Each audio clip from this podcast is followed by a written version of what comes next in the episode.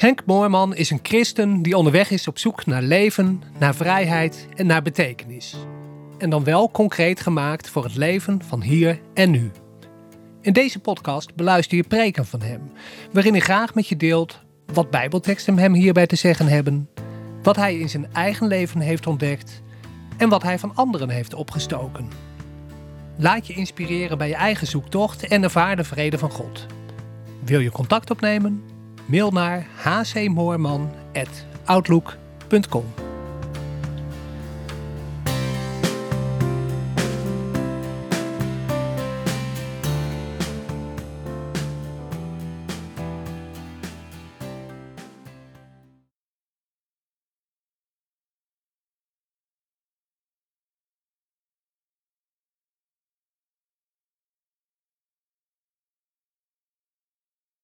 2 Korinthe 12 vers 5. De context is dat Paulus die schrijft aan die gemeente in Korinthe, waar uh, ook andere apostelen zeg maar uh, zich aandienen en geweldig over zichzelf opgeven hoe fantastisch en uh, goed en bijzonder ze zijn.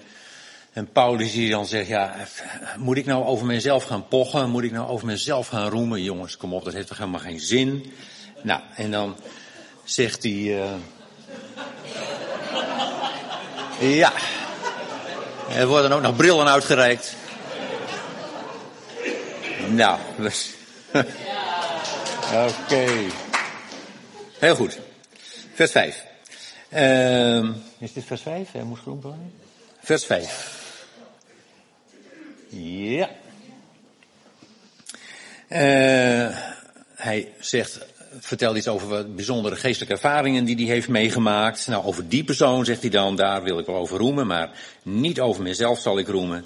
Of het moet zijn in mijn zwakheden. Want als ik wil roemen, zal ik niet onverstandig zijn, want ik zal de waarheid zeggen. Maar ik onthoud mij ervan, opdat men mij niet meer toekennen dan wat men van mij ziet en hoort. Ik kan wel dikke verhalen van vertellen, hè, maar kijk nou maar gewoon naar mij en dan zie je hoe ik ben, zegt hij eigenlijk. Uh, daarom uh, is mij, opdat ik mij niet te zeer zou verheffen, een doorn in het vlees gegeven, een engel des Satans, om mij met vuisten te slaan, opdat ik mij niet te zeer zou verheffen. Driemaal heb ik de Heer hierover gebeden, dat hij van mij zou aflaten. En hij heeft mij, tot mij gezegd, mijn genade is u genoeg, want de kracht openbaart zich eerst ten volle in zwakheid. Zeer gaarne zal ik dus in zwakheden nog meer roemen, opdat de kracht van Christus over mij komen. Daarom heb ik een welbehagen in zwakheden, smaadheden, noden, vervolging, benauwenissen ter wille van Christus, want als ik zwak ben, dan ben ik machtig. Nou, ik zie sommigen al bedenkelijk kijken. Uh, wij kwamen hier toch om opgebouwd te worden. En om leuke en fijne dingen te horen. Nou, waar het mij om gaat is eigenlijk het principe waar Paulus het hier over heeft. Uh, de kracht, in de Statenvertaling staat mijn kracht, hè, met een hoofdletter, Gods kracht, openbaart zich eerst en volle in zwakheid. Het principe van als ik zwak ben, dat is het laatste wat Paulus hier zegt, als ik zwak ben, dan ben ik machtig. En vanuit die invalshoek uh, wil ik eens naar vergeving kijken. Corrie had het er ook al over. Het zal wel niet helemaal toevallig zijn, want op onze huiskring hebben we het er onlangs ook over gehad. En jullie weten hoe ik een preek maak. Ik haal gewoon de ingrediënten van onze huiskring. Hartstikke makkelijk. Um, en daar bak ik dan een koek van. Uh, vergeving. Alles waar vergeving voor nodig is. Uh, elke krenking, elke inbreuk, uh, elke beschadiging. Uh, maakt uiteindelijk gebruik van je zwakheid. Van je kwetsbaarheid. Want je bent als mens ook een kwetsbaar wezen. Um, en dus als jou iets wordt aangedaan. En ik gebruik maar het woord krenking, dat vind ik zelf wel een mooi woord. Uh, en, maar het kan voor een hele hoop staan, hè, ook. Uh, van iets heel kleins tot iets heel groots. Maar het betekent allemaal dat het inbreuk op je maakt. En krenking, heeft te maken met krank, met ziek. Het doet iets negatiefs met je. Een krenking. Uh, het gebruikt altijd je kwetsbaarheid als mens. En het doet dus zeer. Het doet dus gewoon zeer in je natuurlijke, in je menselijke leven. Het doet zeer in je lichaam misschien. Als je een pak rammel hebt gehad, als je mishandeld bent lichamelijk. Het doet het zeer in je lichaam. Uh, als je bedrogen bent, bij de benen bent genomen en je bent flink lichter gemaakt, dan doet het zeer in je portemonnee. Voor sommigen is het ook een lichaamsdeel misschien. Maar uh, als je bejegend bent op een manier die, die je mishandeling kan noemen, uh, dan doet het zeer in je ziel. Dat kan trouwens net zo goed zijn als je lichamelijk mishandeld bent, want de pijn in je lichaam gaat wel over. Maar de pijn die daarachter zit, dat iemand niet te vertrouwen bleek, eh, die juist voor je had moeten zorgen bijvoorbeeld. Ja, dat is een pijn die heel diep kan zitten. Hè? Uh, krenkingen doen eigenlijk altijd zeer uh, in je ziel, want je rechtvaardigheidsgevoel wordt aangetast, je gevoel van eigenwaarde krijgt een enorme oplawaai. Het idee dat je veilig was, dat raakt ondermijnd. Je onbevangenheid uh, raak je kwijt. Uh, misschien je goede naam, hè, als er over je gerold wordt, je wordt aangetast. Nou, er zijn zoveel manieren waarop je als mens in je ziel, in je innerlijk gekrenkt kan worden, aangetast kan worden. Door iets wat iemand anders naar je toe doet, wat iemand anders je aandoet. Um, ja, waarom gebeurt dat? Nee, misschien moet ik eerst zeggen, wie doet dat? Nou, Paulus is er simpel in, die zegt een engel des Satans. En generaties, eeuwenlang hebben mensen zitten uh, filosoferen. Wat zou dat nou geweest kunnen zijn met Paulus? Een doorn in zijn vlees? Nou, ik weet het niet. Ik heb geen idee. Ik ga er ook niet over uh, speculeren. Maar kennelijk was het in zijn natuurlijke leven, in zijn vlees, deed het behoorlijk zeer. En dat is wat Gods tegenstander altijd probeert, om je te raken. Om je te slaan. Om je te raken en het liefst in je ziel te raken. Want daar is het om te doen, om je innerlijk. Ja. Waarom? Opdat ik mij niet te zeer zou verheffen, zegt Paulus. Ja, en de meeste mensen denken, ja, verheffen, dat, eh, dat moet je nou eigenlijk niet doen, hè. En al helemaal niet je boven een ander verheffen. Ja, maar het is iets positiefs, hè, verheffen. Als een engel des Satans probeert om dat te voorkomen door jou met vuisten te slaan, dan moet het dus wel iets heel moois en iets positiefs zijn. Ja.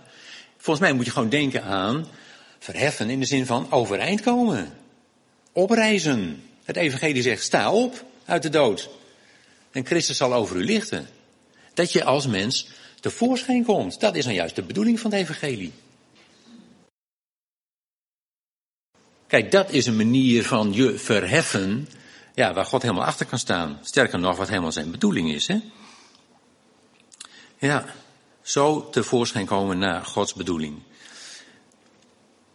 Nou, en als, maar dat is de bedoeling. En dat wil Gods tegenstander dus uh, tegenwerken.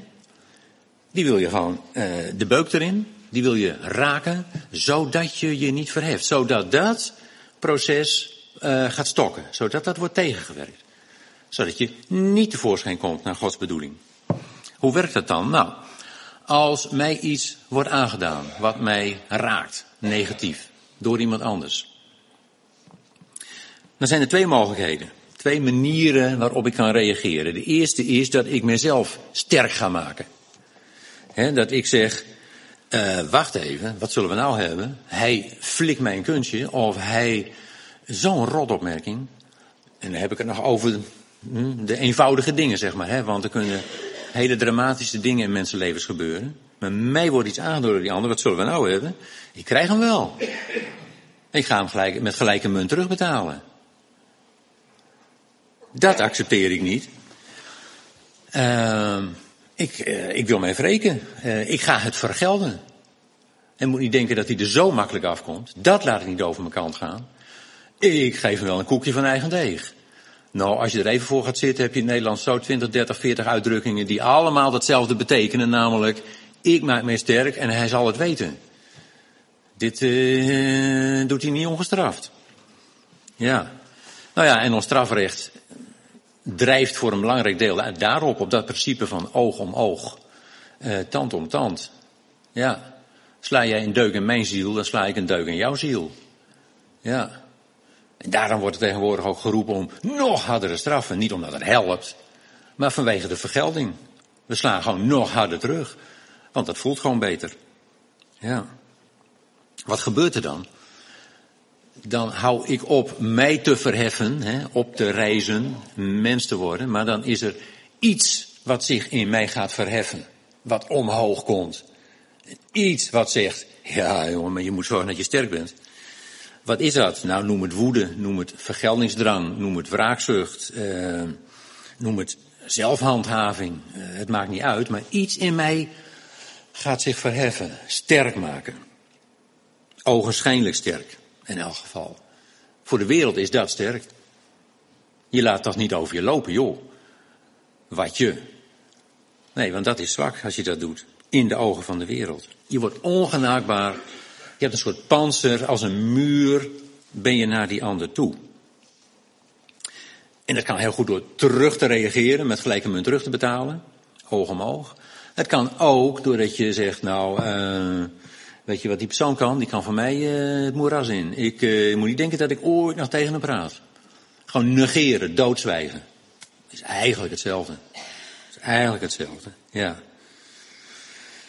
Gevolg, ik hou op om ja, mens te worden. Hè, dat groeiproces van opreizen. Uh, dat stokt. Dat is de eerste manier. En de tweede manier is, dat is het alternatief van Jezus. Dat is het alternatief van Jezus, die zegt, vergeld niet, maar vergeef. Niet vergelden, maar vergeven. En dat is ogenschijnlijk, is dat heel zwak. Joh, je laat er gewoon over je lopen. Dat is pas zwak. Ja. Lijkt het, ogenschijnlijk. Maar het is het niet. Uh, als je kijkt naar levens van mensen die deze, dit principe van Jezus echt het consequent hebben uitgedragen en hebben toegepast, dan zie je dat dan er hele bijzondere dingen gaat gebeuren. Onlangs las ik nou weer eens een stuk over Martin Luther King. Gewoon zijn leven en, en zijn principes vooral. Nou ja, jullie kennen zijn verhaal denk ik wel.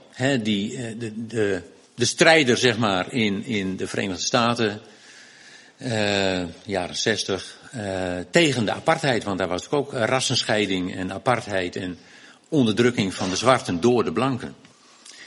En hij zei dat is niet goed en daar moeten we iets aan doen. En hij heeft de strijd opgepakt met hele vreedzame middelen. En wat ontdekte hij? Dat als reactie werden ze in elkaar geslagen. Werden de politiehonden op ze afgelaten. Werden ze voor de zoveelste keer weer uh, in de politiecel gesmeten. En daarna kregen ze een flink pak rammel. Mensen werden gewoon vermoord. Waarom? Omdat ze zeiden, het is niet eerlijk, het moet anders. Ja. En wat was zijn principe steeds? Blijf zelf goed, zei hij tegen zijn medestanders. Blijf zelf goed. Word niet haatdragend. Zie ze niet als vijand. Want als wij zich met gelijke munt terug gaan betalen, misschien lukt het ons om de strijd te winnen en de rassenscheiding af te schaffen. Maar aan het eind zijn we net zo slecht als zij. Net zo keihard. En dan hebben we nog verloren. Nou, een deel van de mensen zei, oké, dat doen we. Maar heel wat mensen hebben hem de rug toegekeerd en zeiden, ja, kom op. Maar, maar dat doen we niet, joh. Zo gaan we niet winnen. Dat is veel te zwak. En die stapten over naar de Black Power. Nou, power, ja, wie wil er geen power? He? Want als je powerful, als je krachtig bent, dan heb je de macht. En dan lukt het om je je doelen te realiseren. Ja, als ik mag, krachtig ben, dan heb ik macht. Nee, zegt Paulus, toch niet. Als ik zwak ben, ben ik machtig. Nou, je voelt wel, dat zijn twee werelden tegenover elkaar. Twee principes, twee koninkrijken, die haaks op elkaar staan en elkaar ook niet verdragen. Als ik zwak ben, dan ben ik machtig. Waarom? Nou, omdat als ik doe, zoals zo'n Martin Luther King, dan blijf ik zelf vrij. Dan blijf ik zelf onafhankelijk. Dan blijf ik baas in mijn eigen leven. Waarom? Omdat ik niet toesta dat wat die ander mij aandoet, bepaalt hoe het met mij gaat. Daarom ben ik dan machtig. Ik sta niet toe dat die ander mij beïnvloedt door wat hij mij heeft aangedaan. Dat is de macht van zwakheid. Nou, en het is goed om eens op vergeving in te zoomen. Ach, en er valt heel veel over te zeggen. Ik zal een paar dingen proberen te noemen. Want vergeving je het daarover hebt, het begint wel met absolute duidelijkheid. Het begint met absolute duidelijkheid, want er is zo vaak een soort christelijk, geestelijk sausje overheen gedaan van, ja, als je christelijk bent, dan moet je vergeven, want uh, waarom? Ja, dat moet nou een keer, want de Heer wil dat, of het staat in de Bijbel, of uh, allerlei redenen. Uh, je moet eerst duidelijkheid hebben. Wat voor duidelijkheid? Nou, de duidelijkheid scheppen dat die ander, wat die ander deed, echt fout was. Fout is fout. Daar moet je niet mee marchanderen. En dat gebeurt makkelijk omdat mensen, ja, die gaan verklaringen zoeken van die ander. Ja, die kon het misschien ook niet helpen. Ja, hij zelf in zijn jeugd ook mishandeld, dus vindt het gek dat hij nou ook weer anderen mept. Ja, dat maakt het misschien wel verklaarbaar, maar niet minder fout. Dan moet je gewoon heel strak en duidelijk in zijn. Wit is wit, zwart is zwart. Goed is goed en fout is fout. En hou dat alsjeblieft uit elkaar, want anders ga je het vergoeilijken. En, en, en daar begint de onduidelijkheid. Hè? Als je het gaat vergoeilijken, dan gaat het zweven en dan komt dat rare sausje er weer over. Als je niet oppast, ga je deels de schuld bij jezelf zoeken. Van ja, die ander deed wel zo, maar ja, ja, ja, dat is misschien ook wel logisch, want uh, ja, hoe deed ik zelf eigenlijk? Nou, mag je best eerlijk in zijn. Als mijn foute gedrag naar hem toe aanleiding was om van die kant fout te reageren, ja, dan moet ik dus zeggen, joh, uh, vergeef mij, want ik zat fout. Maar wat van de andere kant gebeurde, wordt er niet minder fout door. Ja. En hele goede kans dat van mijn kant helemaal geen reden was om mij onheus te behandelen, om over mij te liegen, om mij op wat voor manier dan ook te krenken. Nou, dan moet je ook niet, en dat schijnt nogal eens te gebeuren bij mensen die bijvoorbeeld slachtoffer zijn van seksueel misbruik. Dat zal heel snel denken van, ja, dat zal toch, ik zal wel aanleiding gegeven hebben. zal toch ook wel iets in mezelf gegeven hebben wat, uh, nou joh, dan, dan zak je in het moeras hoor. Ja, hou het goed helder. Duidelijkheid. Ook duidelijkheid over het feit dat het erg is geweest. En ik weet wel, er zijn hele kleine dingen en er zijn hele grote dingen.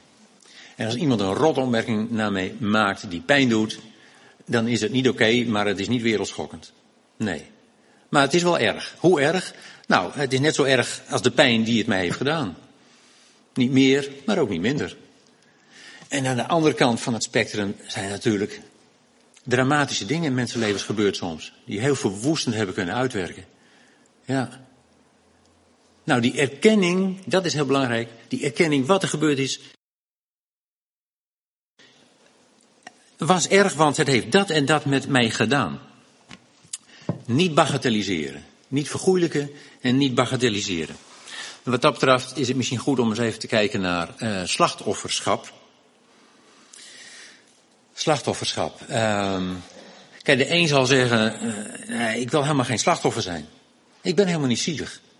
Ik wil geen slachtoffer zijn. Want die denken bij slachtoffer aan, ja, dat is iemand die gaat op zijn rug liggen, pootjes omhoog, help, ik ben zielig. Uh, en dat wil ik helemaal niet zijn. Dat etiket wil ik helemaal niet om hebben. Nee, terecht.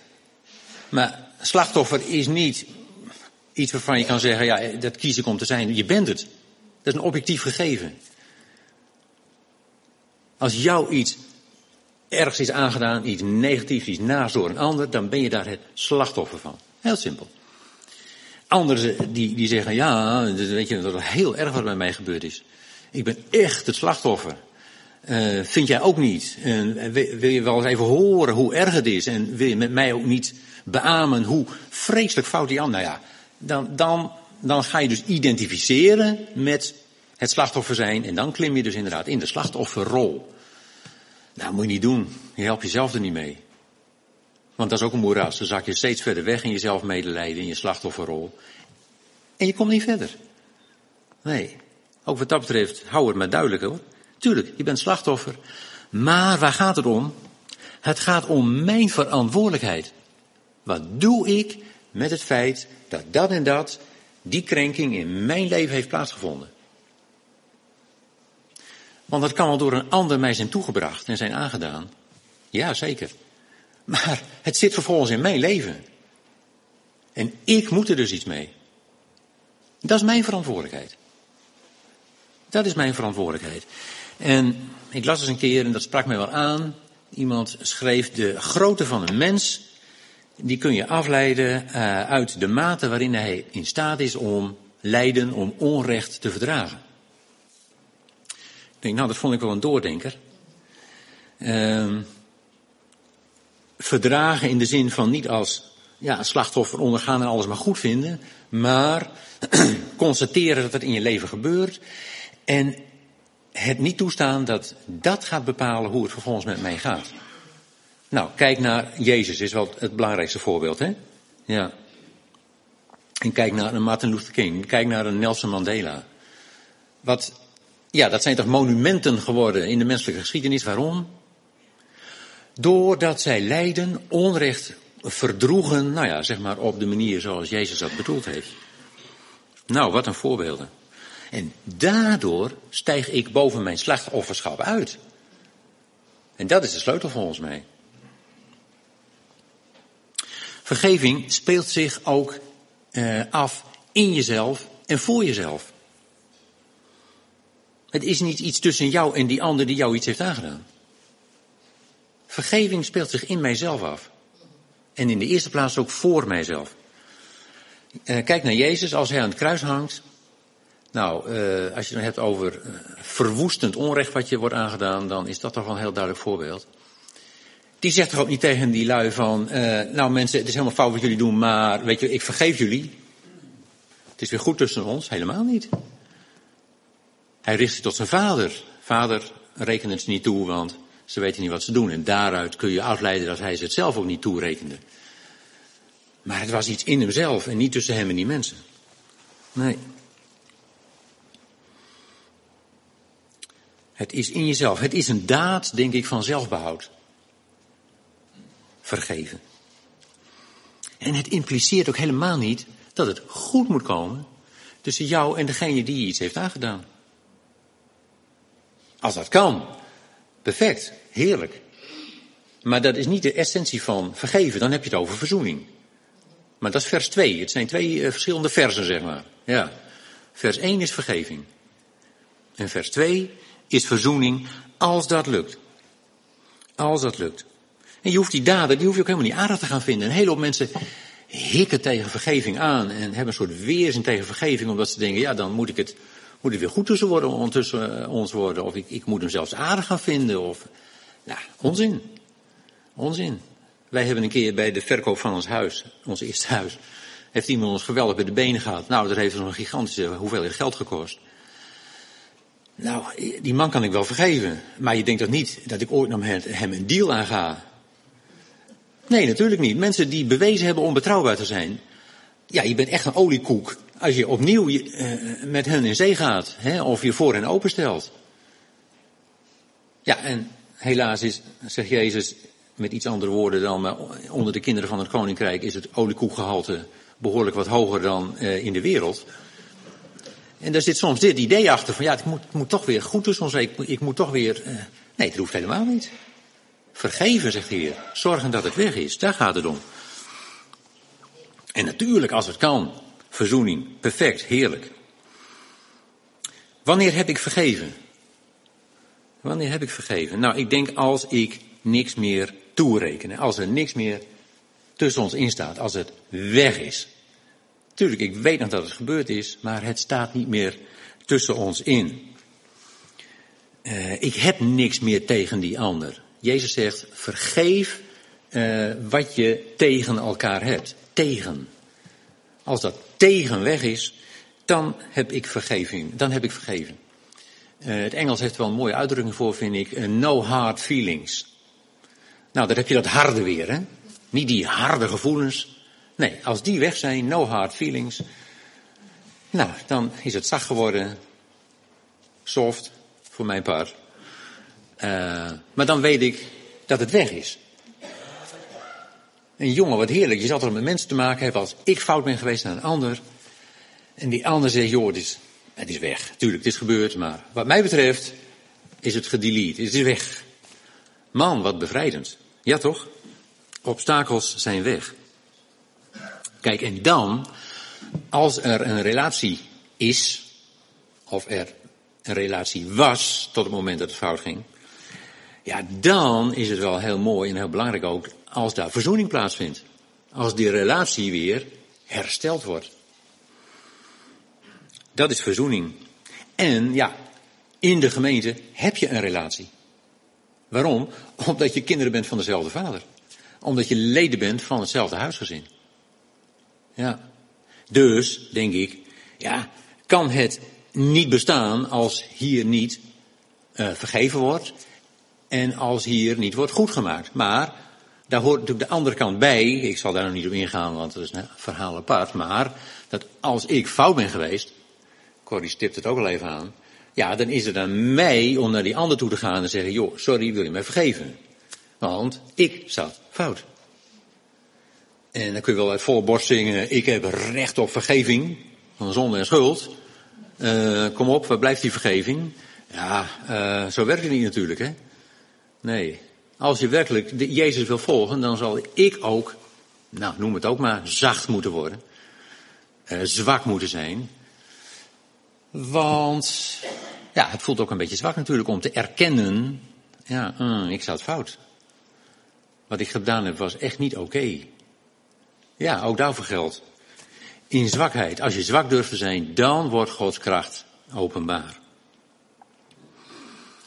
Ja, en ik denk waar dat niet gebeurt, hè, uh, en betrek het maar even op ons als gemeente, als daar niet vergeven wordt en als daar geen zonden worden beleden, dan gaat langzaam het licht uit. En er staat in de Bijbel, beleid elkander uw zonden. Nou, ik denk niet dat het de bedoeling is dat uh, in de ieder heeft iets dienst, uh, we allemaal hiervoor gaan vertellen enzovoort. Maar mijn zonde tegenover die ander, waar ik die ander mee heb gekregen, die moet ik hem of haar beleiden. Dan hou je het zuiver. Ja. Ja. En het goed, als het goed is, komt het van twee kanten. Nou, wij willen graag dat Godkracht openbaar wordt. In een andere vertaling staat tot zijn doel komt. Ja, dat willen wij graag. Nou, uh, laten we dit principe maar bedreven worden in dit principe. Want ik denk, hoe vaker je het doet, hoe bedrevener je erin wordt. En hoe meer het een gezindheid wordt. Vergevingsgezindheid. Dat was het. Amen.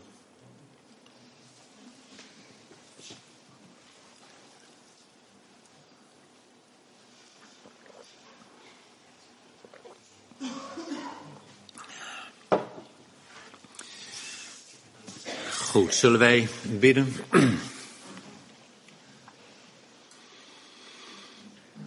Vader, dank u wel voor de helderheid van uw evangelie. Uh, dat u alle dingen aan het licht brengt, helder en duidelijk benoemt en voor alles een oplossing heeft. Heer, dat we niet hoeven door te motteren met ja, dingen die ons overkomen zijn. Misschien dingen die we zelf hebben aangericht. Maar dat het opgeruimd kan worden, dat het geheeld kan worden. Nou, daar ben ik wel heel blij mee. Vader, ik bid u dat wij van uw zoon, van Jezus, leren om op dezelfde goede manier uh, zwak te zijn. En dan te merken dat daarin uw heerlijkheid, uw kracht en uw hulp openbaar wordt. Amen. Wil je contact opnemen? Mail naar hcmoorman.outlook.com .com.